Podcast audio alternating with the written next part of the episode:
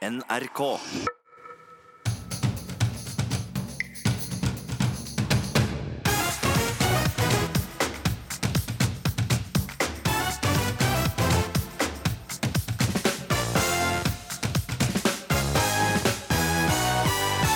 tiden på en trygg plass i Litauen for å roe ned, slappe av og komme til hektene. Spiondømte Frode Berg ble i går satt fri på grensen mellom Russland og Litauen. Hva kommer vi egentlig til å få vite om spionthrilleren fra virkeligheten? Vil han snakke, eller holde kjeft? Er det innenfor å tyvstarte julen i november? Ja, sier redaktør som henger opp julebelysning i oktober, til tross for protester fra ektemannen. Det blir ekteskapelig juledebatt her i ukeslutt. Eh, Hotellgiganten Petter og Gunnar er gått foran, det gir jeg fullstendig blanke i. Jeg har fått med meg, ja. Hvis Ellers må jeg være blind og døv. Jeg fikk sjokk, jeg. Jeg syns de var sånn drømmepar. De var skikkelig sånn couple goals. Kjendisparet Stordalen sendte ut pressemelding om at de går fra hverandre. Og snart var norske medier fulle av kjendisbruddet. Jeg blir oppgitt, men forstår at folk er interessert, sier Trine Grung, som selv har gått gjennom en skilsmisse i offentligheten. Så skal vi snakke om fluorskandalen i norsk skisport. Skismurning med fluor har gitt oss mange medaljer, men medaljen har en bakside. Mange smørere har fått alvorlige helseplager. Velkommen til ukeslutt med Thomas Alverstein Ove i studio. Jeg er jo glad for å kunne fortelle at eh, Frode Berg er nå en fri mann. Det har vært tøft, ventetida har vært lang. Og to år i et russisk varetektsfengsel har vært en tøff påkjenning. Både for meg selv og for min familie. Etter nærmere 700 dager i fengsel i Russland, så ble Frode Berg i går løslatt og overlevert til Litauen. Og reporter Joakim Reigstad i hovedstaden Vilnius, hva nytt vet vi om Frode Bergs gjøren og laden i dag? Ja, Det er et eh, godt spørsmål. Vi vet jo at han eh, våknet i hvert fall for første gang på nesten to år som en fri mann i eh, et eller annet sted i nærheten av Vilnius i dag, i hvert fall på et trygt sted, som han beskrev det. Han har, etter det vi forstår, vært gjennom en helsesjekk. Og det er ikke grunn til å tro noe annet enn at han har hatt tett kontakt med norske myndigheter, både stedige representanter her i Vilnius, men også Kanskje har han hatt samtaler med Etterretningstjenesten for å avdekke litt hva han kan, og ikke minst ikke kan eh, si om det han har vært igjennom både i fengselet og foranledningen til at han ble arrestert. Vet du noe om når vi kan vente oss å høre noe mer fra ham? Det er et uh, godt spørsmål, eh, det også. Det er, han har jo sagt i nær framtid, og hva man legger i det er jo opp til fortolkning. Men høyst sannsynlig så vil han nok fortelle deler av sin historie, det han på en måte har fått få lov til å si, på et eller annet tidspunkt. Men akkurat når, det er fortsatt helt åpent. Hvor er han nå, da? Ja, det er litt uklart, men han sier jo at han er på et trygt sted i i eh, Litauen. Eh, det kan være at han selvfølgelig har flyttet ut av hovedstaden også, men, men, at han har oppholdt seg her i landet i hvert fall de siste eh, timene, de siste 24 timene som har gått siden han kom hit. Kan du bare minne oss om, Joakim, hvorfor har Frode Berg havnet i nettopp Vilnius? Ja, I, I, I, hvert fall i Litauen, da. I, hvert fall i Litauen, ja. Det er jo en, en interessant historie. Dette dreide seg om eh, prosessen som Norge måtte starte eh, da Frode Berg ble arrestert. Man skjønte jo at en benådning kunne komme i stand eh, på et eller annet tidspunkt, men da måtte Norge ha noen å bytte Frode Berg med. Det har vi ikke, og hadde ikke på det tidspunktet heller. Men gjennom Nato-samarbeidet så fikk man da vite at det var en russisk eh, spion som var dømt her i, i Litauen for å ha prøvd å rekruttere litauere til å installere bl.a. skjulte mikrofoner i presidentpalasset. Og Den personen var russerne nok interessert i å få. Og Gjennom da et samarbeid mellom Norge og Latvia, så klar, uh, unnskyld, unnskyld, Litauen, så klarte man uh, det. Og når da den nye presidenten, uh, som heter Gitanas Nauseda, ble valgt nå i mai, så fikk han startet dette arbeidet. Han har en litt annen retorikk enn den tidligere presidenten. En litt mildere retorikk overfor Russland. Og til slutt så underskrev han da denne loven som gjorde det mulig å utveksle spioner mellom Litauen og Russland.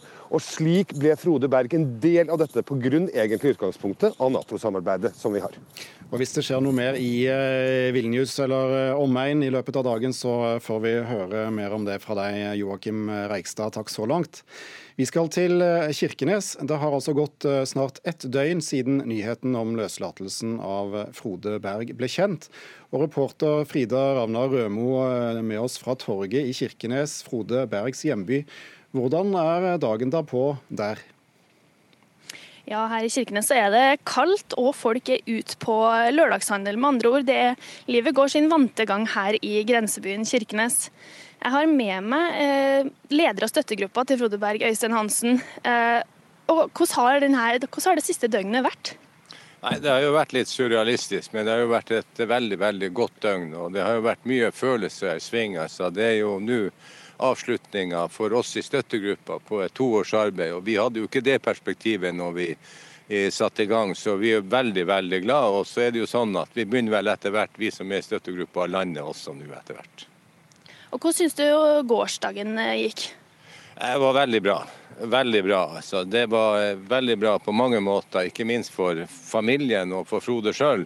Og for lokalsamfunnet, som nå etter hvert kan begynne å legge bak seg denne saken, og at dagliglivet igjen gjentar denne grensebyen.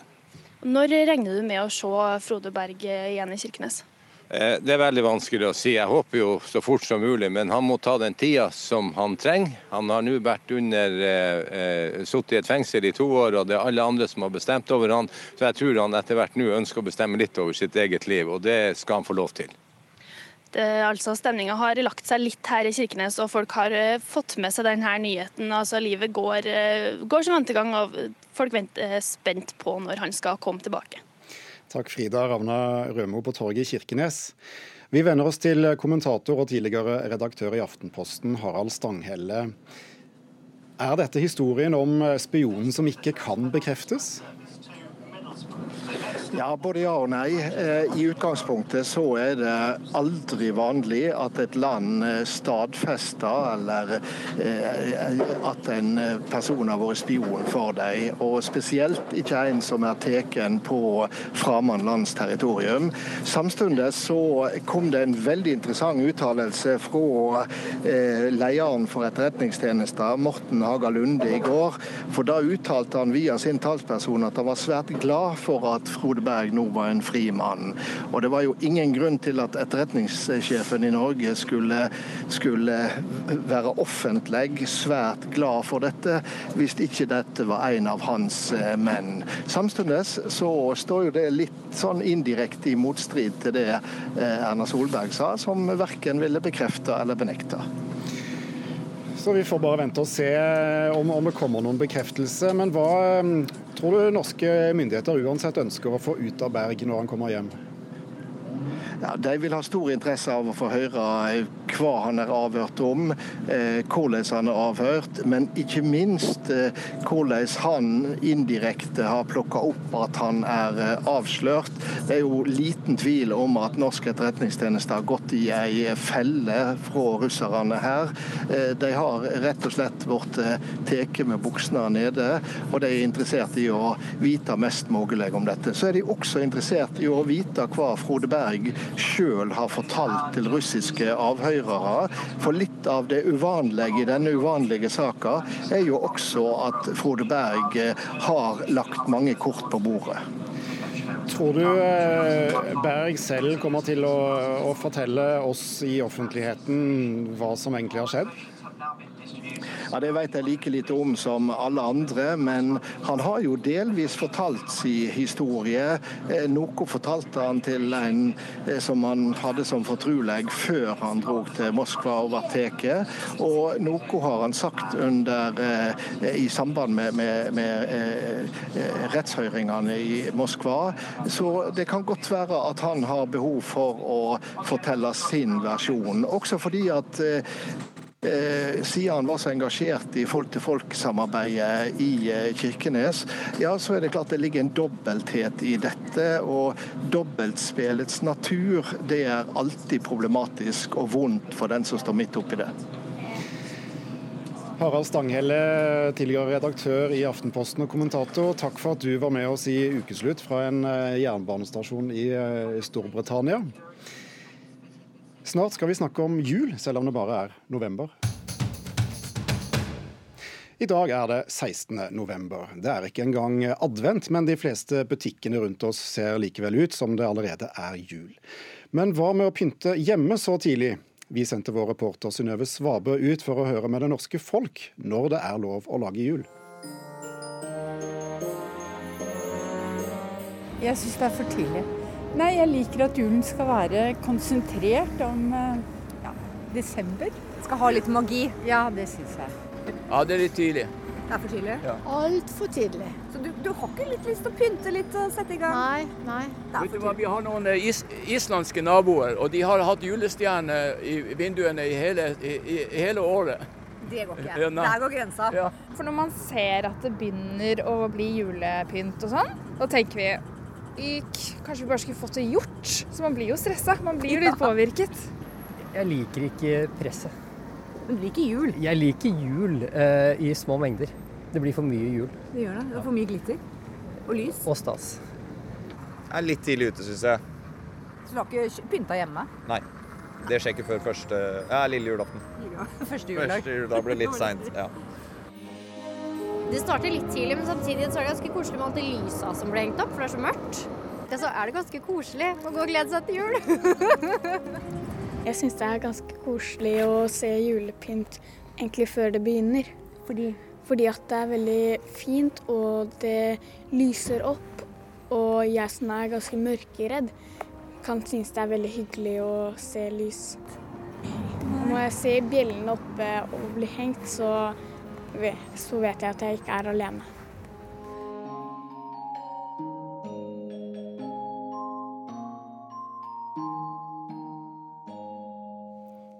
Det blir snart familieråd her i ukeslutt når herr og fru Strand tar debatten om når julepyntingen kan starte. Men julemarsipan i butikkene fra sent i september, juletrelys i hagen i oktober, adventsstjerne i vinduet fra november. Hvor tidlig er det egentlig lov å begynne å lade opp til jul? Det er det store spørsmålet hvert eneste år. Programleder her i NRK, Anne Lindmo, reagerer på tidlig julestress. Hør bare her fra podkasten hennes forrige uke.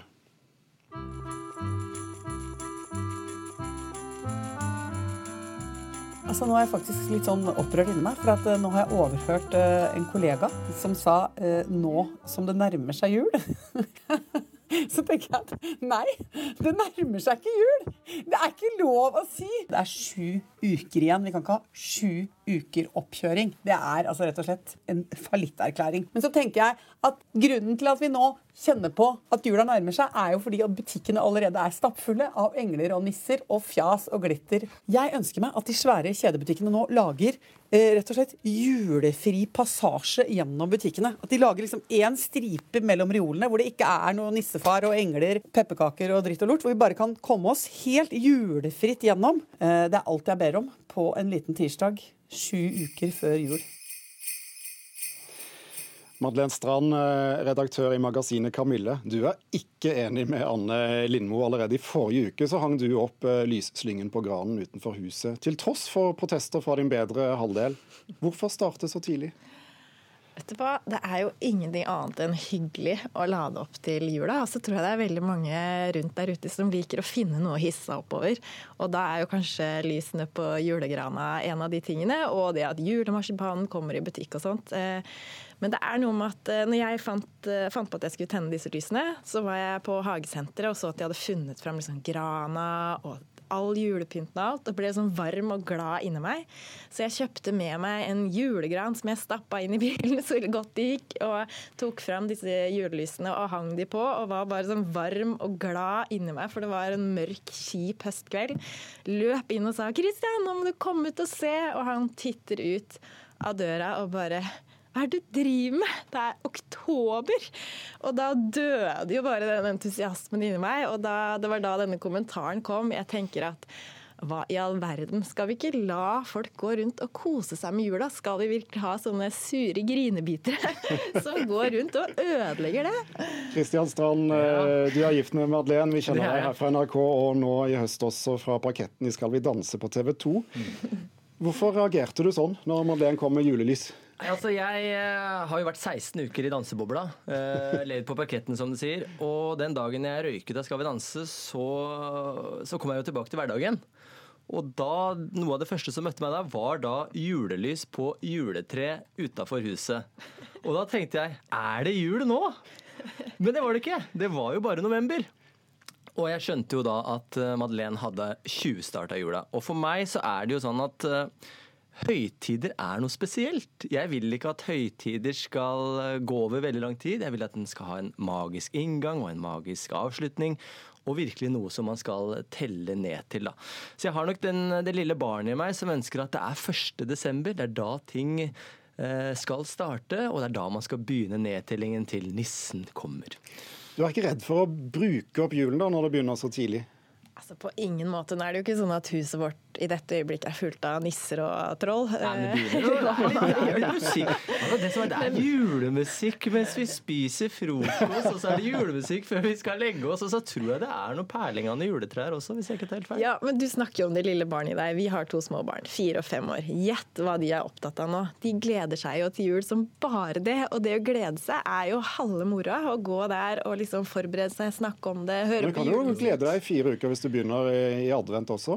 Jo, men hvorfor ikke begynne nå? Altså, er Hvem sånn, de- skader vi med å høre på en liten julesang nå? De Til og med alle dere spiller har- jo alle her på som- radioen. Alle som har barn hjemme nå, da, de vet jo at eh, um, det går veldig eh, lang tid før ting skjer, når man setter i gang ting tidlig. tidlig. Så når gutta begynner å, å, å ønske seg jul i oktober, så er det veldig lang tid altså, å forberede de på når nissen kommer. Så jeg tenker liksom av strategiske grunner òg, ikke begynn med jula for tidlig, for den, det kommer til å bli veldig lang tid. Hvordan løser dere denne konflikten i, i heimen? Nei, Det er en sånn evig lang krig som egentlig har begynt nå, og som varer fram strengt tatt til lille julaften. Fordi Kristian sier at man kan begynne litt sånn 1. desember. Det er ikke helt sant i hans hode. Han holder igjen veldig lenge. Så jeg pleier å fylle kjøleskapet med veldig mye sånn deilig julemat. Og f.eks. Liksom denne klassiske edamrosten som jeg er så glad i, denne i rød plast. Den går jeg og lusker på nå og lurer på når jeg kan kjøpe. Men jeg vet at det øyeblikket jeg putter den inn i kjøleskapet, så blir Kristian sånn rasende og sier 'den er det ingen som åpner ja, før i første i juledagsfrokost'. Det er litt sånn, det er sant. I fjor så begynte hun vel i november å kjøpe inn vet, alt det man skal spise eh, første juledag. Den gode frokosten med edamerost og litt sånn eh, ribbe fra julaften. Alt det var liksom i kjøleskapet i november, da. Og da tenkte jeg sånn, du kan jo ikke begynne med godsakene allerede i november.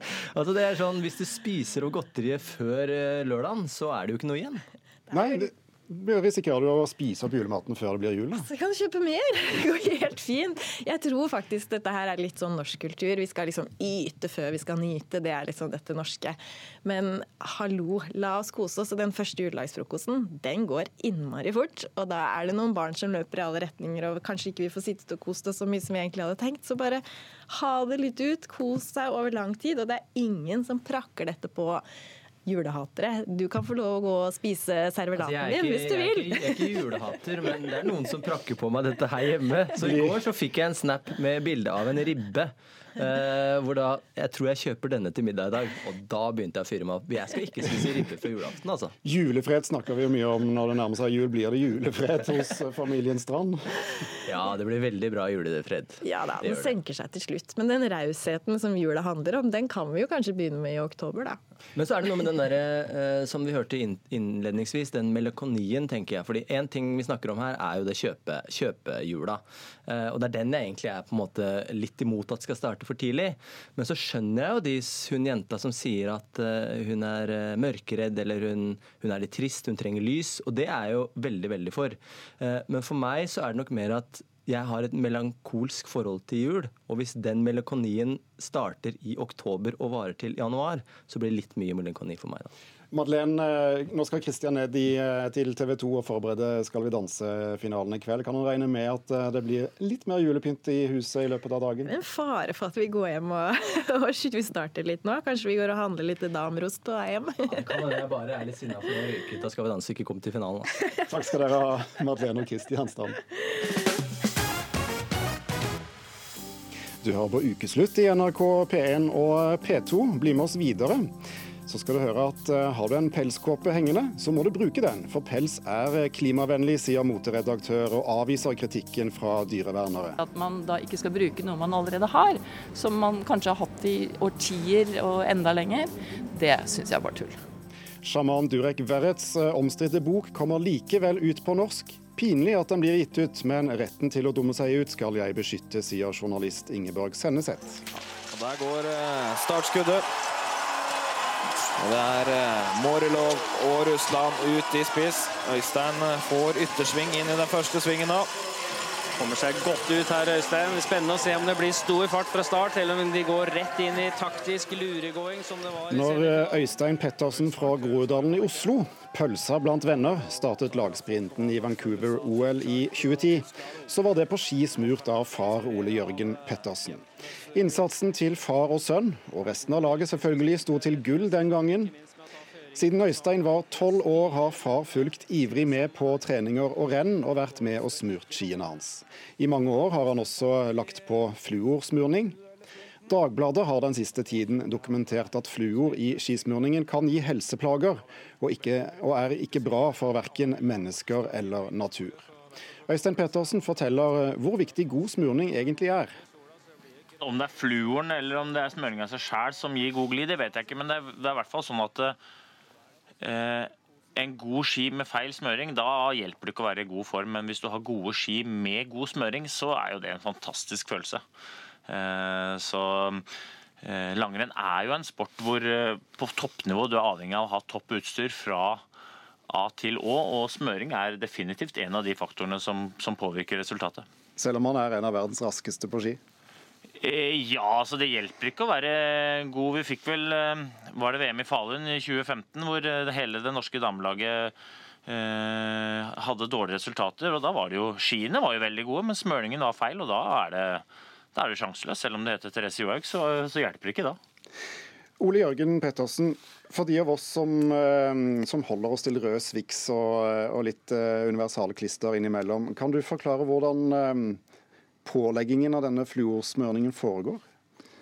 Eh, det kan jeg jo gjøre, og det er jo først og fremst ikke noe heksekunst eh, å gjøre det. Det handler om eh, å få litt erfaring på å gjøre det. For skismøring i seg sjøl er ikke vanskelig å jobbe med, men det er systematisk arbeid. Som starter med først å få rengjort skien ordentlig før man begynner å påføre de produktene man har testa fram som fungerer akkurat på dagens føre. Og Da starter du med en eller annen form for uh, grunnglider som man uh, legger inn først. Og så kommer jo uh, veldig ofte fluorpulver på toppen. Og Den påføres jo da under høy varme, og, den, og, da snakker vi fra 160 til 180 grader på smørejernet. Og den, når du legger på den, så blir det ofte Så fluoriserer den seg, slik at det blir krystaller i lufta fra tidlig av så skjønte vi jo at uh, dette var jo ikke top of the pops med tanke på luftveier og uh, helse og sånn. For det er i den prosessen du da får, eh, kan puste inn disse partiklene? Det kan du. Men det er det samme i og for seg utfordring å jobbe med rein fluorfritt glider, altså kaldglider, som blir for et veldig fint støv, som da legger seg i luftveiene og nesegangene.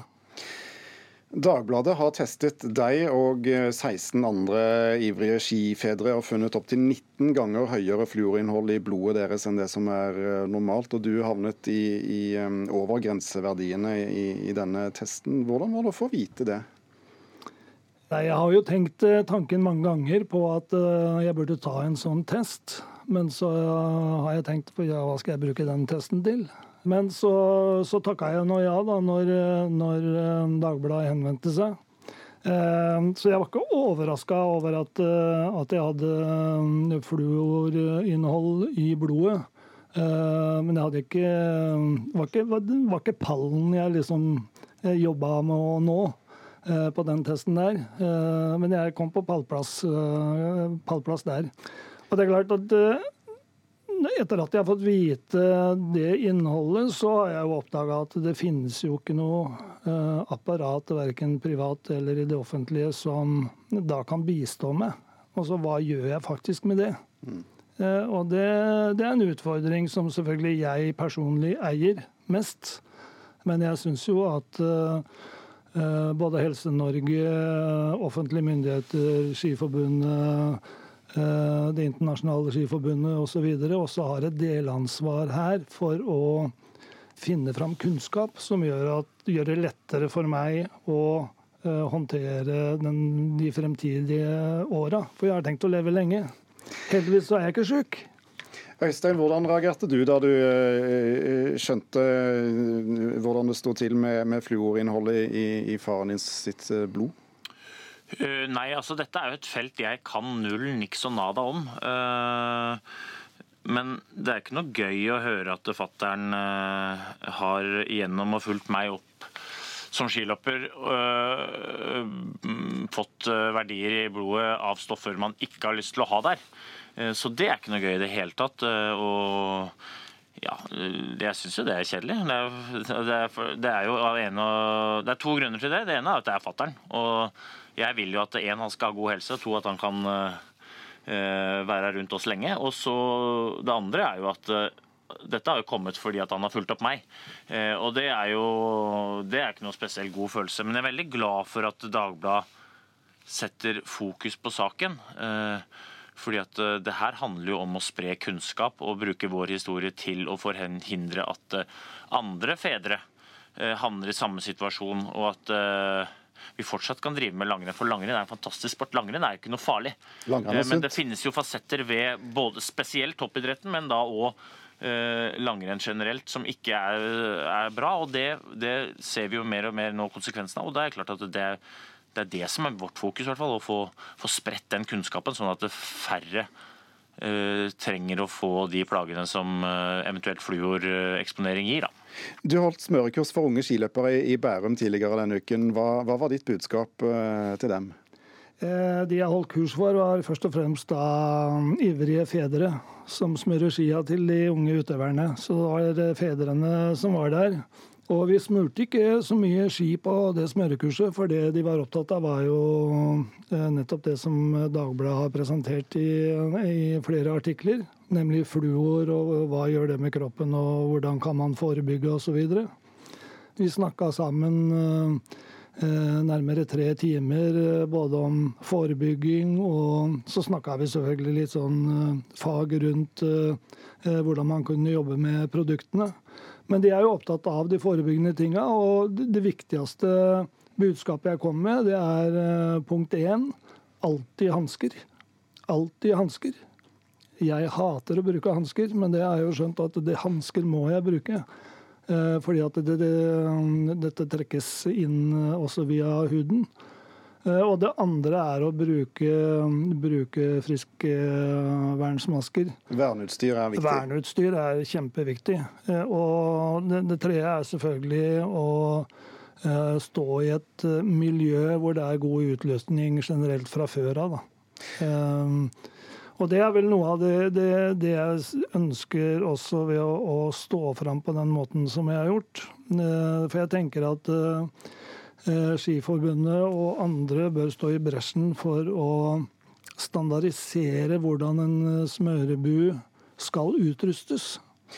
Øystein, eh, det blir forbudt å selge eh, fluorsmøring i EU i neste år, men det blir fortsatt lov å, å bruke det. Hvor lenge tror du norske skiløpere kommer til å gå på denne typen smørning? Eh, oi, Det er jo helt umulig for meg å svare på det. Men jeg håper jo at eh, alle uansett eh, om du bruker det eller ikke, tar de hensynene. For det er jo sånn Fattern sier, at det er ikke bare fluer som er problemet, det er jo, det jo støvet generelt. Og dette er et holdningsspørsmål. Eh, Og jeg kjenner det selv. Jeg er da pappa til to små unge lovende, jeg har lyst til å følge opp de. Og jeg, jeg, må jo være ærlig og si at terskelen for å ta på seg en maske når jeg skal smøre et par ski, den er jo ganske høy. Og det er jo bare tullete. Dette er jo en vanesak, og det er et holdningsspørsmål som vi alle må ta på alvor. Så jeg er så glad i langrenn. Og det er viktig for meg å fortelle at langrenn er en fantastisk sport. Og vi må ikke la dette liksom skremme folk vekk fra langrenn, for langrenn er ikke farlig. Men vi må ta de forhåndsreglene vi kan, basert på den kunnskapen vi har. Takk til Øystein Pølsa Pettersen og far Ole Jørgen Pettersen. Toril Stokkebø var en ivrig og dyktig skiløper som ung. Den samme idrettsgleden hun fikk oppleve, ville hun dele med barna sine og de andre unge i skimiljøet i Asker. Så i årevis så smurte hun skiene deres og backet dem opp så godt hun kunne. Men en dag ble hun syk. Legene konstaterte nyrekreft, en ikke-arvelig kreftform, og antydet sterkt at kreften kunne ha kommet av alle timene i smøreboden. For tre år siden døde Toril. Historien hennes kunne vi lese i Dagbladet for to uker siden. Arne Vannebo, du var gift med Toril. Når skjønte dere denne sammenhengen med fluor og smøring og kreft? Sjokk nummer én var jo når Toril fikk kreftdiagnosen sin. Og da når vi fikk summet oss litt, så spurte vi jo Vi var nysgjerrige på hvorfor hun hadde fått kreft. Og Vi satt og diskuterte dette med kreftlegene på Radiumhospitalet eh, bare noen dager senere. Og Der konkluderte de og vi i fellesskap med at eh, antageligvis så var dette pga. omgangen med fluor og skismøring. Hvordan reagerte dere da? Nei, Dette var jo sjokk nummer to. Eh, sjokk nummer én var jo at hun som var så sprek og sunn, eh, fikk kreft. Eh, det er som du sa, det er en kreftsykdom som ikke er arvelig, er noe som du blir påført gjennom det miljøet du er i. Så det er klart Sjokk nummer to var jo at eh, hun har da fått, eller fikk denne sykdommen fra den idretten som hun elsket. For Toril hun virkelig levde for skiidretten. Det var hennes liv. Mens hun enda trodde at hun skulle bli frisk av, eh, fra kreften, så brukte hun mye tid på å spre kunnskap og sørge for at de unge ikke spiste i smøreboden osv. For, eh, for å hindre at andre skulle bli syke. Hvordan ble skal vi kalle det, hennes kampanje mottatt i skimiljøet? Kampanjen ble nok veldig godt uh, mottatt. Toril var jo aktiv selv også. Dette var jo etter operasjonen. Vi trodde hun skulle bli frisk igjen. Uh, så hun fysisk uh, var inne i smøreteltene og, og fikk ungdommen ut. På kalde dager så var jo smøreteltene en form for en varmestue, hvor folk både spiste matpakka si og og oppholdt seg. Eh, og Toril var veldig opptatt av å få ungdommene ut av disse teltene. Hun fortalte hvor farlig dette var. Eh, og Hun gikk jo også anonymt ut i et av de store skimagasinene våre og fortalte sin historie i april 2016. Allerede i 2009 kom det en rapport som pekte på uheldige sider ved fluorsmurning. og Skiforbundet fikk da laget disse smøretrailerne med god ventilasjon som et HMS-tiltak. Var kunnskapen i, i, denne rapporten eh, noe tema blant dere engasjerte skiforeldre? Nei, det var jo egentlig ikke det. Til å begynne med, altså, å begynne med så sto jo alle og smurte uten, uh, uten maske. Vår eldste datter er født i 1995. Det var først i 2008-sesongen at eh, vi, ble, vi skjønte eh, hvor mye bedre skiene gled med fluor. Da ble hun fraglidd i, i Holmenkollen. Eh, jeg tror det var da vi startet å bruke fluor. 2008. Eh, og da gikk det nok eh, ganske mange år før vi, eh, eller Toril, begynte å bruke maske. Det var kun de siste par årene før hun døde. Hva er ditt råd til Skiforbundet? Nå må Skiforbundet våkne. Altså, vi kan ikke ha en, en sport hvor, hvor, vi bruker dette giftstoffet for å tjene noen få sekunder. For at barna våre eller ungdommene våre skal klare å gå litt raskere i, i en konkurranse. Dette går ikke lenger. Det er en grasrotbevegelse fra bunnen, dette. Jeg opplever at Skiforbundet mer eller mindre er blinde for det som har kommet. Eh, så jeg føler at nå, nå, må vi våkne, nå må vi stoppe med denne galskapen. sa Arne Vannebo. Han ønsket ikke å møte Skiforbundet i studio, så vi snakket med ham eh, tidligere. Nå sitter Espen Bjervig, langrennssjef i Skiforbundet her. Eh, hva sier du til at dere er blinde for denne problematikken? Ja, først og fremst så må jeg si at jeg har en stor medfølelse for, for familien Vannbo og hva de har opplevd. Eh, og klart Den hendelsen her som har gjort eh, at det er blitt eh, mye mer oppmerksomhet rundt altså florsmøring, og ikke bare florsmøring, men smøring generelt, og de klimaene som er i smørbodene rundt. Jeg vil jo ikke si at vi har vært blinde i dette. her sånn. Altså vi, den, den mye omtalte STAMI-undersøkelsen her fra 2009, den var jo Da fikk vi etter den en veldig klare råd fra Folkehelseinstituttet om, eh, om, hva vi burde gjøre med de profesjonelle smørerne. og Den hadde jo også da en ganske stor mediedekning, bl.a. også i NRK på den tiden når den kom ut. Så vi, vi, tok jo tiltak på våre smørere rundt det, og vi har nå i de senere årene gjort, uh, gjort en del grep. Uh, Bl.a. innført smørevettregler på, på arrangementer. Eh, vi har pålegg hvordan arrangørene skal håndtere avfall fra, fra mm, smøretelt osv. Og, så og vi har også innført florforbud. for de yngste? For de yngste, ja. Men med den kunnskapen vi sitter nå i dag, så er det jo helt klart at vi kunne jo vært mer proaktive. Men det gjelder jo også for så vidt alle som har vært involvert i, eh, i skisporten. Det, altså, Skiforbundet skal eh, vi kunne gjort mer, utstyrsleverandører kunne gjort mer. Eh, myndighetene kunne gjort mer. Så, så det, er, det, er, mange ting her. Men, det men helt klart, vi, vi kunne vært gjort mer i tidligere fase. Vil dere gjøre mer nå? Ja, altså jeg nevnte jo de, de tiltakene vi, vi, startet med for to år siden, med florforbud for skiløpere under 16 år. Eh, hvor da vi også har kjørt noen kontroller. for å, og egentlig Det er en holdningsskapende arbeid, eh, for vi ser ikke noe grunn til, og vi har alltid vært veldig klare på at yngre utøvere skal ikke bruke florprodukter. Det er, det er liksom, dette er noe som er for, for toppløpere. Uh, og Vi har innført smørevettregler som skal følges i alle, av alle våre arrangementer. Dvs. Si man er påbudt å bruke maske, uh, man skal ikke spise inn i teltene, man skal ikke oppholde seg i teltene når, når man ikke smører ski. Det er forbudt å bruke altså, varmepistoler og åpen flamme der. Så så vi, vi har, har, eh, har, eh, innført dette for to år siden, samtidig som vi også innførte regler for avfallshåndtering. Da. For at det klart, eh, I et sånt smøretelt så vil mye falle ned på, på bakken. Neste år så blir, blir det forbudt å selge fluorsmurning, men når kommer Skiforbundet til å slutte å bruke denne smurningen? Det må presisere litt, det blir ikke forbudt å selge fluorsmøring til neste år. Det blir forbudt å selge fluorsmøring med åttekjeda fluor, ikke sekskjeda flor.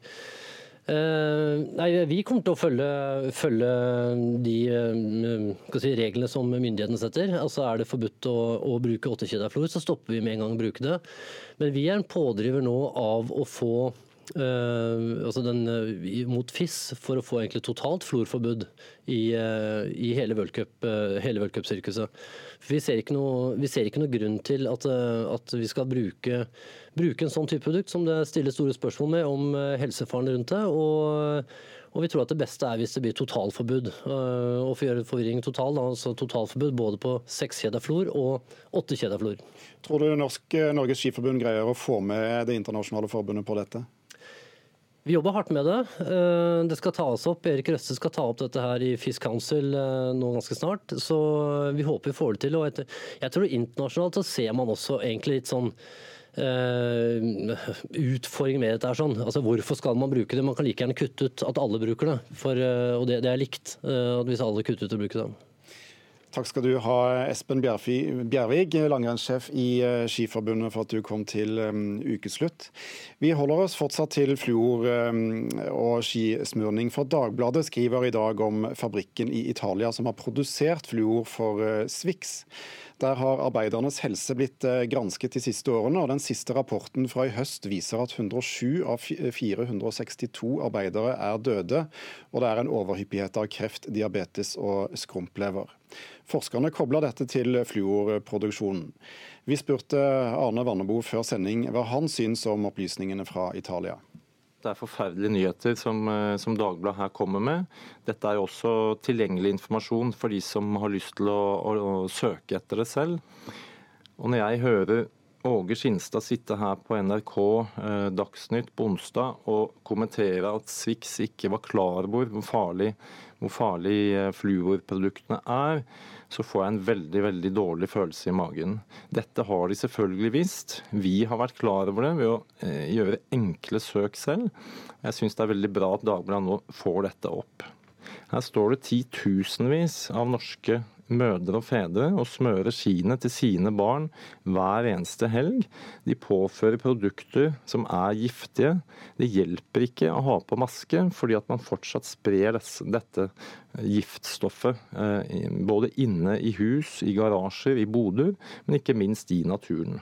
Vi vet dette er farlig, dette her må vi stoppe med. Åge Skinstad han er merkevaredirektør for eh, Swix, og eh, ikke enig i virkelighetsbeskrivelsen fra, fra Vannebo. Han svarer slik på informasjonen i Dagbladet i dag. Det som skjedde hos eh, Miteni, det var helt ukjent for oss. Det er fullstendig uakseptabelt og svært alvorlig. Vi har jo forholdt oss til at Italia er en del av EU. EU har et omfattende og strengt regelverk på produksjon, innhold og utslipp av kjemikalier, som gjelder alle land i EU og EØS, altså Norge også. Og Vi har lagt til grunn at fabrikken har forholdt seg til det. Og Som i Norge er det jo de statlige, nasjonale da, og lokale myndigheter som sørger for kontroll av at regelverket blir ført. Og vi har ikke fått noen signaler på at dette ikke har vært etter boka. Da må vi òg legge til at eh, vårt volum hos Miteni-fabrikken eh, har tilsvart 0,5% av fabrikkens årlige produksjon. Men Dere har samarbeidet med denne fabrikken siden 80-tallet. Eh, Hvordan kan da det Dagbladet skriver være helt ukjent for Swix? Vi har hatt eh, møter med de, årlige møter. Flere representanter fra vårt firma har hatt årlige møter med de. Eh, vi har en skriftlig kontrakt med dem som omhandler det med åpenhet. Eh, vi har vært på besøk eh, flere ganger på fabrikken. Det har aldri vært tema. Det har aldri vært noe som har vist tegn til det. Og, og det har til og med blitt vist fram slider som har vist at utslipp har vært innenfor myndighetskravene. Så vi har dessverre ikke hatt noen varsellamper som skulle si at noe galt har foregått. Og Åge Skinstad understreker at Swix har anbefalt bruk av maske ved smøring siden 1995, og at de har sendt ut smøremanualer til både smørere og butikkansatte i, i lengre tid. Espen eh, Bjervig, hva er din kommentar til det du hører her? Altså jeg synes Både det som kommer fram i Dagbladet og andre steder nå, eh, viser jo bare det at eh, nå må et samla Ski-Norge og en, også en samla skiverden stå sammen. Altså det, er, eh, det, det, har skjedd ting som ikke skulle ha skjedd, og ting kunne vært på en bedre måte. Men jeg tror nå må vi samla ha en fokus på hva skal vi gjøre for noe framover for å ta vare på den idretten vi er så glad i. For vi kan ikke ha en idrett hvor folk blir redd for å komme inn i idretten pga smøring og hvordan vi gjennomfører dette her sånn. Så jeg tror enkeltindivider, klubber, skiforbund, myndigheter og produsenter nå må vi stå sammen, og så får vi rydde opp i dette her sånn, så at vi får en skiidrett som er sånn som alle vil ha den. Takk skal du ha, langrennssjef i Skiforbundet Espen Bjervig.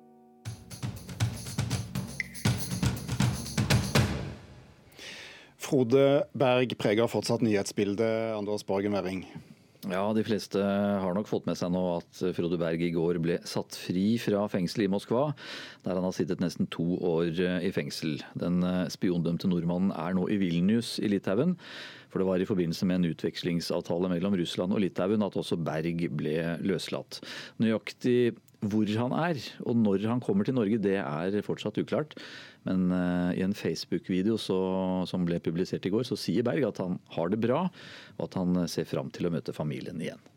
Så har det vært en brannstifter på ferde i uh, Larvik i Vestfold. Hva har skjedd? Ja, dette er en litt eh, spesiell sak. For um, Larvik bibliotek har fått store skader i en brann. og Politiet har pågrepet en mann som er mistenkt for å ha tent på. Men nå viser det seg at uh, denne mistenkte mannen akkurat var løslatt i Tønsberg etter å ha vært siktet for fem branner forrige uke. Han ble altså likevel løslatt, og da mistenkes for å ha tent på igjen i dag tidlig. Politiet forklarer dette med dårlig kommunikasjon mellom ansatte i Tønsberg og Larvik.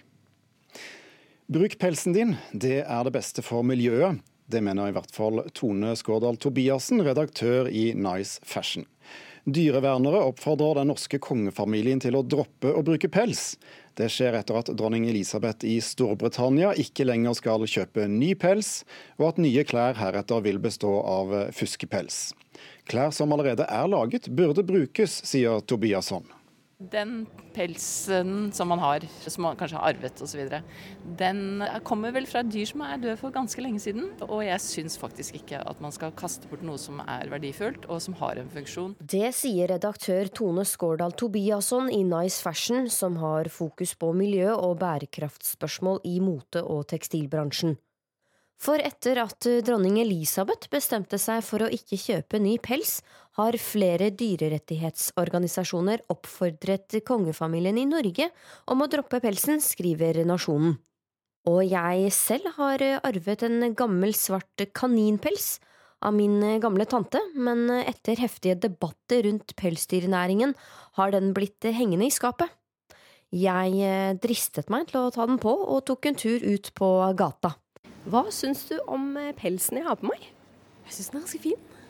Ja, den ser veldig varm og god ut. Da. Er det noe du ville brukt selv? Nei, det tror jeg ikke. Jeg, tror, jeg er ikke så flink til å se om det er ekte eller ikke, da. Men hvis det er ekte, så hadde jeg nok ikke brukt den selv, nei. Jeg har ikke så mye meninger om akkurat den pelsen. Ehm, jeg er motstander av pels, så jeg, jeg syns man skal prøve å unngå å gå i det. Visste du at uh, å kaste pels hvis man har en gammel jakke hengende i skapet er miljøfiendtlig? Ja, det er klart det er jo det. Og det er jo bedre om man bruker de, de klærne man har, da, som allerede fins. Å kaste ting generelt som er uh, mulig å bruke, er miljøfiendtlige. Jeg er av den oppfatning at man skal bruke det man har, og gjøre det i god mening. Og når man har fått ny informasjon om at det man har ikke er bra for dyrene, i dette tilfellet, så kan man ta et valg om man fortsatt vil gå med den eller ikke, eh, men kanskje ikke kaste den. Jeg spør eh, Tone Skårdal Tobiasson hva jeg kan gjøre med den eh, gamle pelsen min. Jeg selv har jo en pelskåpe som nettopp er arvet, og den henger bare i skapet. Og jeg kvier meg veldig for å bruke den. Hva kan jeg gjøre? Ja, altså Jeg skjønner ditt moralske dilemma med liksom, hvordan atmosfæren er rundt dette i dag. Men vet du hva? denne er altfor fin til å ikke bruke. Hvis de eh, har lyst til å bruke den, så, så bruk den. Eh, men eh, hvis du ikke trives med det, hvis, hvis, du får vondt inn i sjelen din av det, så selvfølgelig la den henge. Men eh, for all del, ikke kast den. Det var kuttet pels. Enkelt og greit. Trenger du jo ikke, jo. Avskyelig. Nei, vekk med det. Det sier forfatter og aktivist Alexia Bovim. Pels skal man ikke bruke uansett, sier hun. Vintagepels, det er jo som jeg skulle ta og kalle gamle drap for uh, vintage. Altså, det er som jeg skulle tatt på meg en uniform som signaliserte noe som er innmari negativt. Og så sier jeg ja, men herregud, det er mange år siden dette. Ja, så gammel tortur er greit, det. No way. Og ikke kom med miljøpisset! Vær så snill. Hvorfor er det ikke sånn når det gjelder andre klær? Det er jo mye transport og dill og dall hver gang vi kjøper en ny bukse. Jo... Nei, det er så innmari miljøvennlig, det å bruke gammelt. Den, der, den kjøper jeg ikke. Og det er alltid når det er pels, som sagt. Det er i hvert fall ikke noe bedre å erstatte den gamle pelskåpen med en parkas, sier Tobiasson. Alternativet er jo da at man kanskje går ut og kjøper seg en boblekåpe i stedet. Eh, og den er jo da full av plast. Eh, til og med kanskje det som den er fòret med. For det, som oftest så er det også basert på, på, oljematerialer, sånn at det er en type plast. Og det er jo da miljømessig en mye dårligere løsning. For da, da er man med på å skape miljøbelastninger, istedenfor å bruke noe som for lengst har nullet ut all den miljøbelastningen den har stått for. Når kjæledyrene våre blir syke, avliver man dem for at de skal slippe å lide. Men hva skjer med pelsen deretter?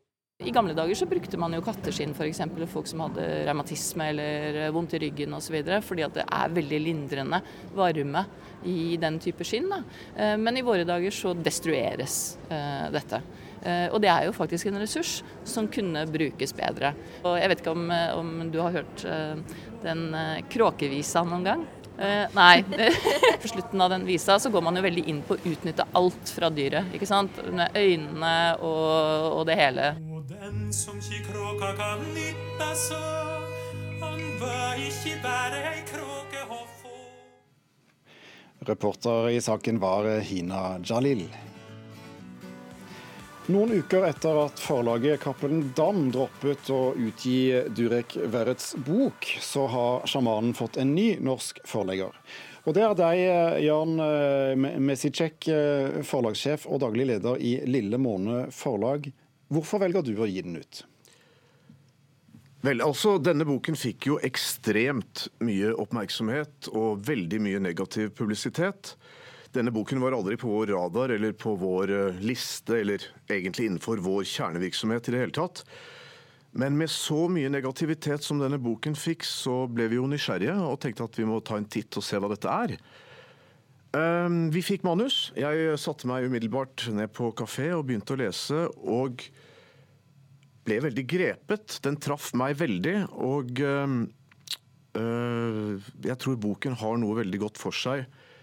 I en tid med veldig mye konflikt, i en tid med harde ordelag, i en tid med mye usikkerhet for veldig mange, så tror jeg denne boken kan ha noe for seg for veldig mange mennesker. Ingeborg Senneset, journalist i Aftenposten. Du har fulgt Durek Verret og hans virksomhet en god stund, og har tidligere skrevet kommentar om denne utgivelsen da det fortsatt var Cappelen Dam som satt på rettighetene. Du sier det er pinlig at den blir gitt ut nå. Hvorfor det? Ja, Nå er det snakk om at tittelen skal endres, og de mest problematiske avsnittene redigeres ut i en sånn slags hvitvaska ny versjon. Jeg syns det er litt pinlig. Den engelske utgaven den inneholder bl.a. en slags Matrix-verdensanskuelse. Og åndelige øvelser for å rense deg fra slagg fra seksualpartnere og parasitter fra underverdenen og behandling mot kreft at kreft kan være selvpåført, at man i hermetegn vil ha den hos både voksne og barn. I tillegg så gir Durek et råd om hvordan du kan tjene penger. Nå gjenstår det å se hva Lille Måne syns tåler dagens lys i Norge. Men uansett hva som får stå i den norske utgaven, så tar forlaget et aktivt valg om å promotere en som har et hårreisende uetisk forhold til andre mennesker sin helse. En som mener han vet bedre enn hardtarbeidende, faglig utdannet helsepersonell om hva en svulst er. En som stiller seg mektigere enn naturkreftene og sier at en kan redusere alder. Så Det, det syns jeg er flaut. Hva sier du til en sånn kritikk? Ingeborg har et helt annet ståsted enn det Lille Måne har, eller det jeg som forlegger personlig har. Hun er ateist og tror på at alt kan bevises, og at alt, all materie er noe vi kan se og forholde oss til. Denne boken er skrevet ut ifra et sjamanistisk ståsted. Det er en urgammel eh, tradisjon som spenner seg over hele verden også i Norge, i, samene, i samenes rike, så har man et forhold til sjamanisme. Det handler om å tro at det er noe mer mellom himmel og jord enn det vi kan ta og se og føle på og forstå. Og eh, ikke, Jeg tror ikke det blir riktig å sette Durek opp mot hardtarbeidende eh, leger og helsearbeidere. Eh, han har et annet utgangspunkt i at du først og fremst skal reise inn i deg selv, jobbe med deg selv. Eh, og her kan spiritualitet og åndelighet være med å, å påvirke positivt. Vi lever i en verden i dag hvor 7-8% av den norske befolkning bruker antidepressiva. Legemidler som vi vet har ganske omdiskutert liten effekt. 90 millioner doser i året. Her kan nok sjamanisme bidra mye mer enn hardtarbeidende helsearbeidere. Oi. Ja, det er ganske spesielle påstander. Um, jeg tror kanskje at du blander litt religionsfrihet og det å ha frihet til å påstå ting som ikke finnes. Men det jeg har lyst til å si at jeg syns det er egentlig litt positivt også at boka blir gitt ut. fordi at nå kan ikke lenger Durek Verrett fortsette å komme med feilaktige påstander om at boka har blitt forbudt i Norge. Um, jeg vil bare påpeke veldig lite øyeblikk at det eneste som faktisk trenger healing, det heter ukritisk tenkning. Uvitenskapelighet det koster mennesker tid, penger og helse. Og det hjelper egentlig ikke å ta ut også, uh... litt, Lite lite øyeblikk, jeg er ikke ferdig. Det hjelper egentlig ikke å ta ut konkrete avsnitt om barn og kreft og sånt. Hvis man har et underliggende budskap om at sykdom er noe man kan tenke seg ut av, og at friskhet er noe som de i hermetegn opplyste okay, nå syns jeg du har fått lese opp fra det manuset ditt uh, lenge nok. Vi har en tradisjon i Norge. Vi har en stor interesse for alternativ behandling i Norge, og vi har også gjort forsøk, interessante forsøk, f.eks. i Universitetssykehuset i Nord-Norge, i Tromsø, hvor man har sluppet inn healere. Og hvor de har oppnådd resultater som ikke vanlig skolemedisin kan, eller heller ikke kan forklares. Du tenker på NAFKAM akkurat nå, ikke sant? For eksempel, um, vi har, vi har Har du, lyst, har du lyst til å forklare, siden at du hadde med jeg ikke, forskning eh, derfra? Eller, eh? Vær så god.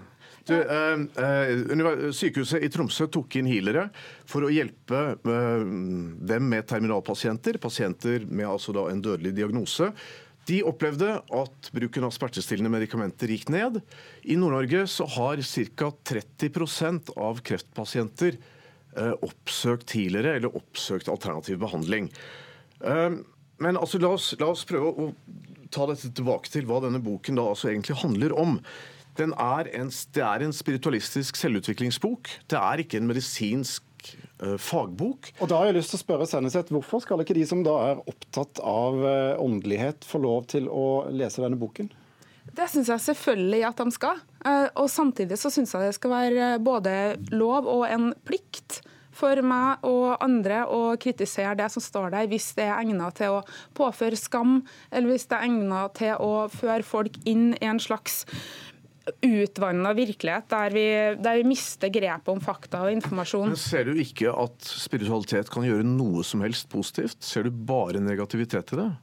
Det er ikke det jeg argumenterer for. Jeg Nei, men Ser du noe positivt i det? i spiritualitet.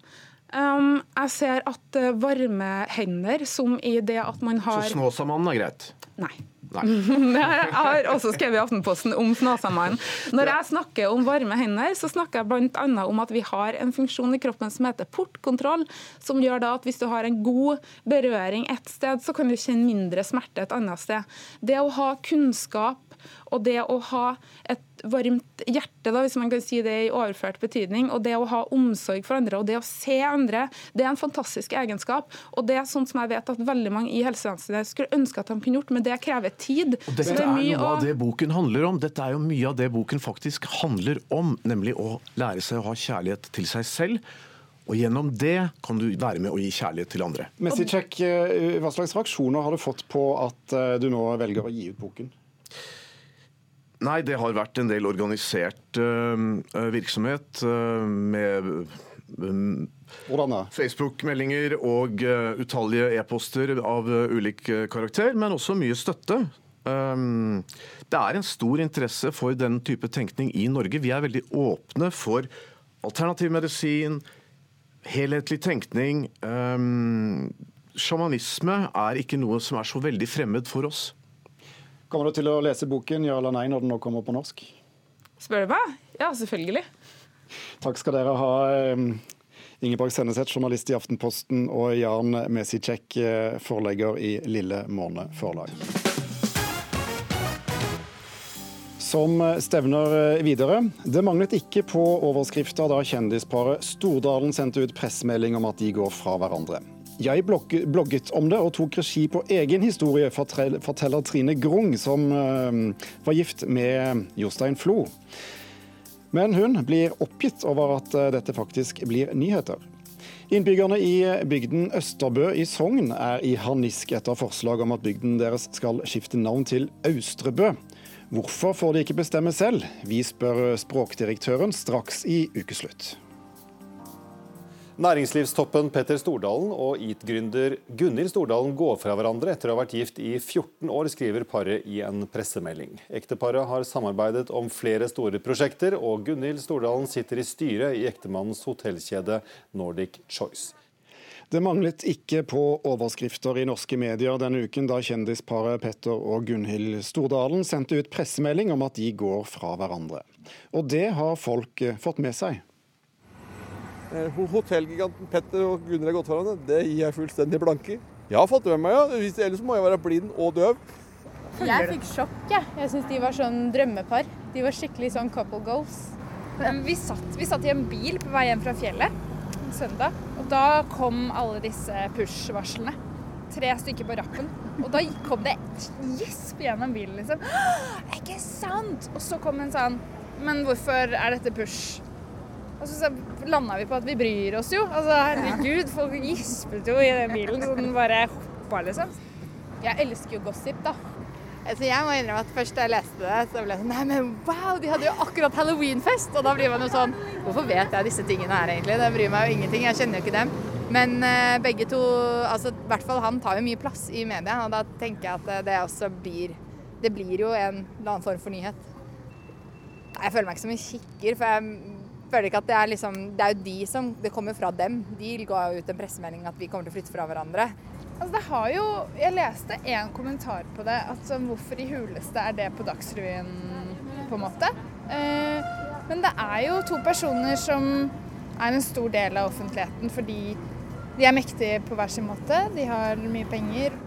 Det blåser jeg egentlig. Nei, det er helt likegyldig for meg. Jeg ble litt overraska siden de har, han har, de har vært støtta hverandre så veldig i kretsen. og alt det her sånn. Nei, Jeg kan ikke si at jeg fulgte med så veldig på forholdet deres. Jeg kan ikke si det at eh, jeg så denne komme, men jeg kan, kan ikke akkurat si at jeg ikke forventa det heller. Det føles rart å sende ut informasjon om noe så privat, men for å unngå rykter og spekulasjoner velger vi å være åpne om at vi fra midten av november kommer til å flytte fra hverandre. Det skrev altså Petter og Gunhild Stordalen i en felles pressemelding tidligere i uken. Trine Grung, tidligere programleder, nå blogger og selvstendig næringsdrivende. Du og din eksmann, fotballspilleren Jostein Flo, gikk fra hverandre. eh, Og da måtte du også forholde deg til at dette var noe offentligheten var opptatt av. Hvordan opplevde du å dele noe så intimt og privat med store deler av Norge? Altså, jeg, hvordan jeg opplevde det, det er jo noe med at du, du lever i offentligheten på mange måter, og du tar et valg om å kanskje gjøre det. Og, og da er det litt sånn Det er jo en, en, et utsagn i, i kjendisverden som heter 'du gifter deg i Se og Hør, og du skiller deg i Se og Hør'. Og det er litt sånn, det er jo en sannhet med modifikasjoner. Eh, Hvordan jeg opplevde det Jeg visste jo at det var et faktum at de kom til å skrive, skrive om det bruddet den gangen. Det var et faktum, og, og det er nå snart åtte år siden. og Derfor så valgte jeg å ta regien sjøl og blogge om det. Fordi at jeg ønsket å styre ordlyden i det, sånn at ikke skulle bli masse føss. Jeg skjønner godt at de sender ut pressemelding, for de vet jo at dette blir en nyhetssak. Så kan en jo diskutere om det er en nyhet, og det er jeg jo helt enig i at det selvfølgelig ikke er. Men så har jo medieverden dessverre med store bokstaver blitt sånn. Og du ser òg de som dere intervjuer nå i forkant. Nå vet jo ikke jeg alderen, men ut ifra stemmeleie så kan jeg jo De som er litt sånn gossip opptatt av, de kan jo høres litt yngre ut. Mens de andre som ikke brydde seg, hørtes kanskje litt eldre ut. Så jeg, jeg tror det kanskje kommer litt med alderen, at vi bryr oss mindre, men at det er en stor klikksak denne uken. her, Det er det jo ingen tvil om. Mediene vet dette, de, derfor skriver de om det. Og, og så er det jo opp til oss eh, lesere og konsumere å velge om vi faktisk skal klikke oss inn på sakene. Og det gjør vi jo. Derfor fortsetter mediene. Så det er jo egentlig en to, todelt skyld her. ja. Men hvorfor tror du tross alt såpass mange er opptatt av eh, intimsfæren og privatlivet til, eh, til Stordalen og andre kjendispar? Jeg vet ikke. Altså, der, jeg er ikke noen psykolog på dette på noen som helst måte. Men, men altså, hvis du tar bloggfenomenet, som jeg har vært en del av Nå begynte jeg å blogge for snart 16 år siden. og det er klart at eh, i Den gangen når jeg begynte, så er det jo litt den tittermentaliteten sikkert folk er interessert i. Eh, og, og det er jo det som se, har vært suksess, suksesshistorien og oppskriften til Se og Hør i alle år. Og til dels rampelyssidene på VG og andre tabloide tilsnitt av, av kulørt presse. Så, så det er noe med at vi vet jo at vi er interessert i andre mennesker som holder på med ting som kanskje ikke er en del av vår hverdag, som kanskje opplever ting som jeg i min hverdag ikke opplever. og Da blir det litt sånn Oi, det er så gøy ut, det er så spennende ut, eller de gjør det, eller de gjør det. og da, det, det må jo være noe i det, uten at jeg er noen psykolog på og kan det som fagområde. Og psykologen har vi med oss, vet du. parterapeut Frode Tuen. Syns du det er rart at folk interesserer seg for dette? Nei, det syns jeg ikke. Altså, det, altså Folk flest er jo opptatt av kjendiser, og dette er jo litt sånn skandalepreget, eller i hvert fall noe som er litt utenom det vanlige, og det, man får et innblikk i privatlivet og sånt. Og da er, er veldig mange interessert og nysgjerrig. Hvordan kan det påvirke bruddprosessen for de det gjelder at den blir så offentlig? Stordalen nå og, og Grung og Flos tilfelle tidligere? Altså, det, det, er jo en, en, belastning ved det at uh, en såpass privat opplevelse, og ofte en veldig vanskelig prosess å gå gjennom, at det blir uh, noe som alle kan få innblikk i og forholde seg til. Og Det å ha behovet for å ta regi, uh, det kan jo man godt forstå. Så, så, og Det er jo blitt en slags tradisjon på det også, at når kjente folk går fra hverandre, at man da lager en slags sånn felles uttalelse eller erklæring om, om at nå går vi fra hverandre.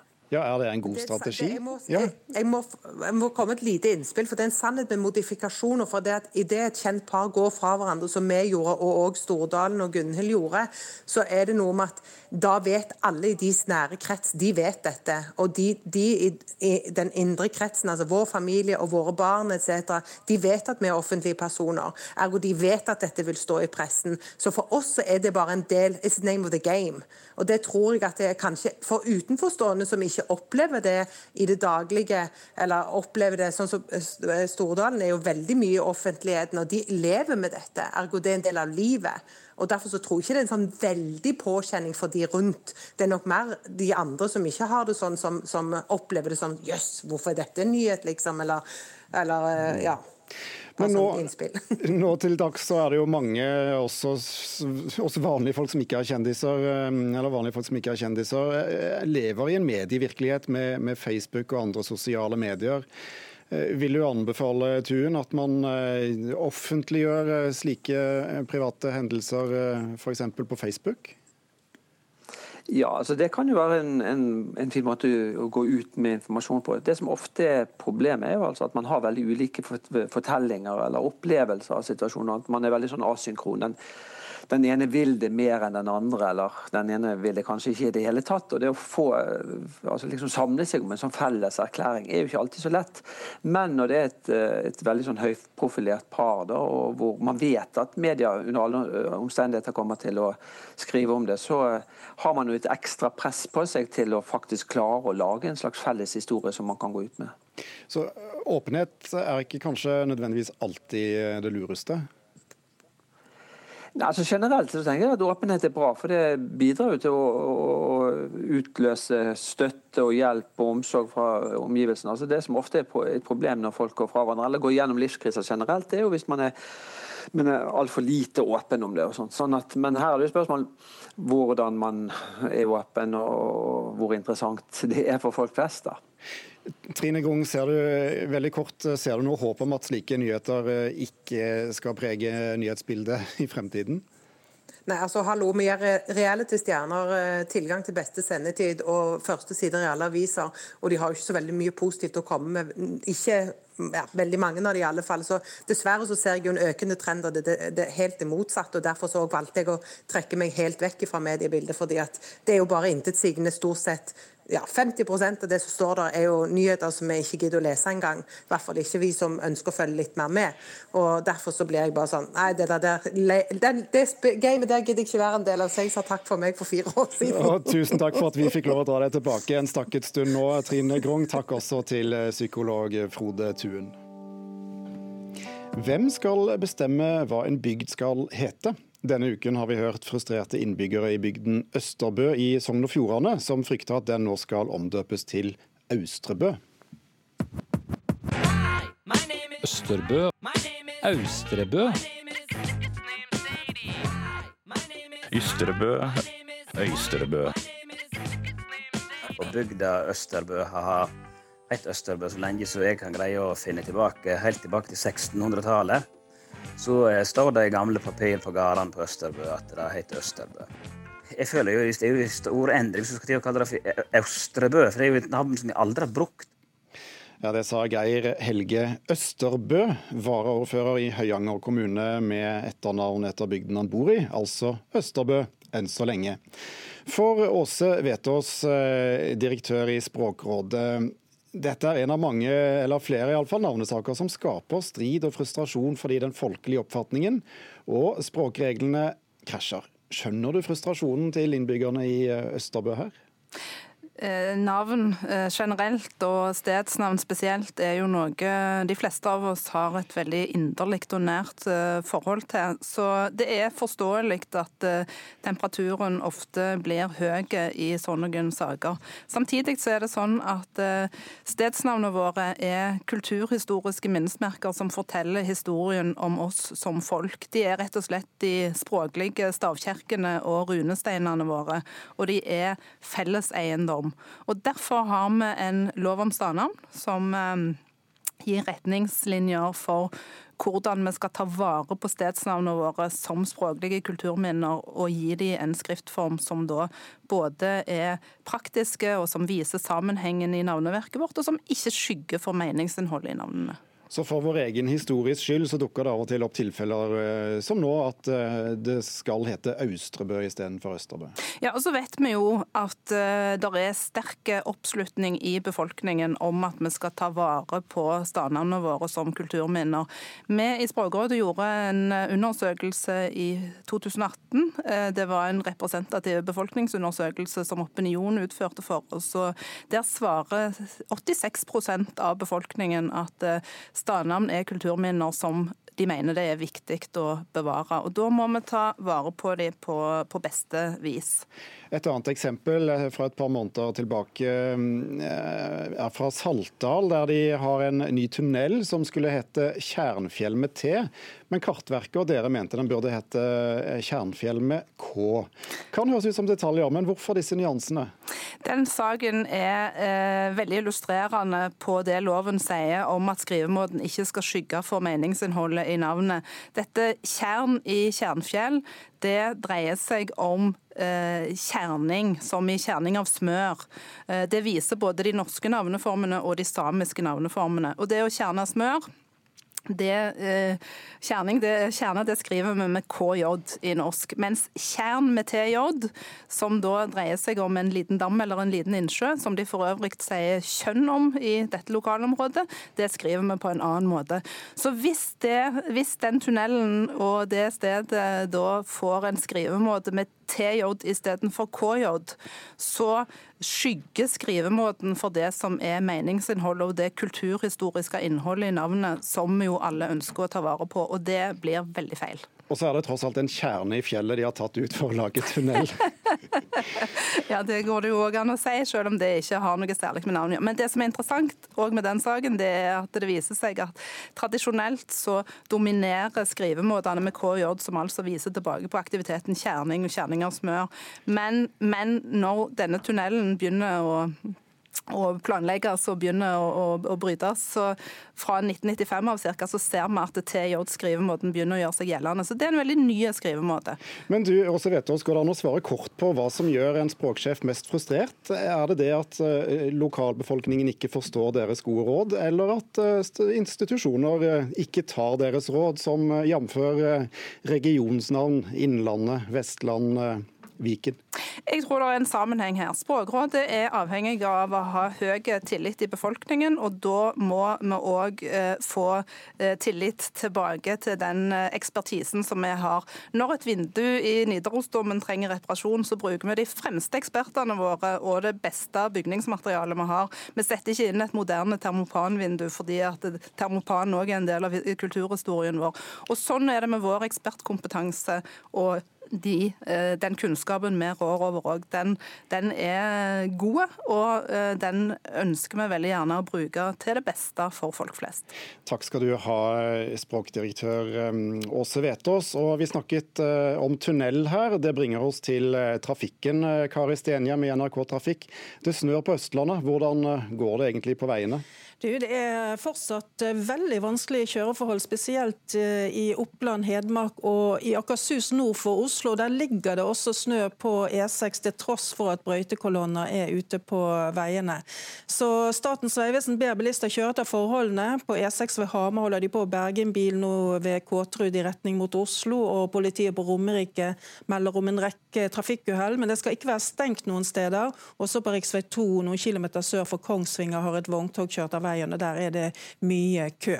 Så kjør etter forholdene, hold god avstand. Det er veldig mye snø, spesielt i det venstre feltet på flere motorveier. Jeg har også lyst til å ta med at på rv. 52 mellom Gol og Hemsedal så er det stengt denne helgen ved Robru.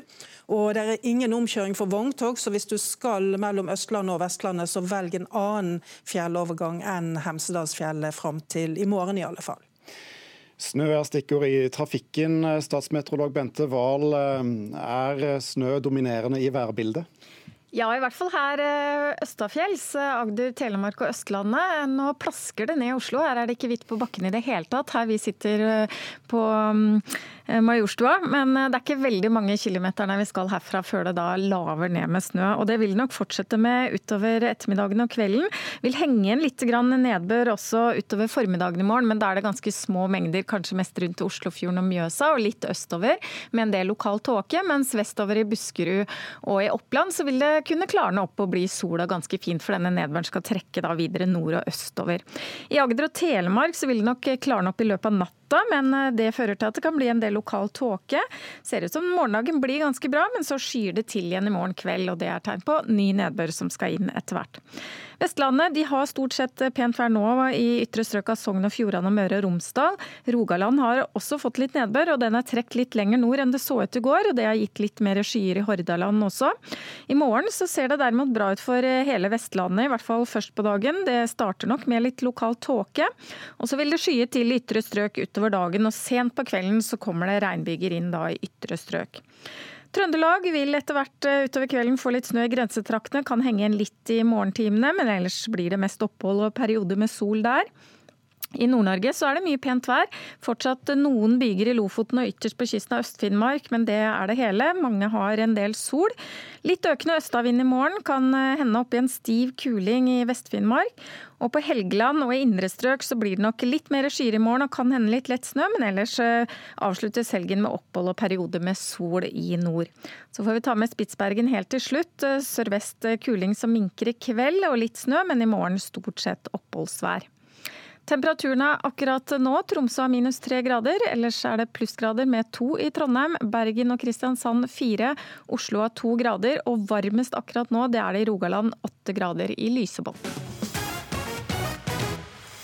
For ukeslutt er slutt. Vidar Sem var ansvarlig for det hele. Teknikken styrte Hanne Lunås, og i studio Thomas Alvarstein Ove. Ha en god radiohelg.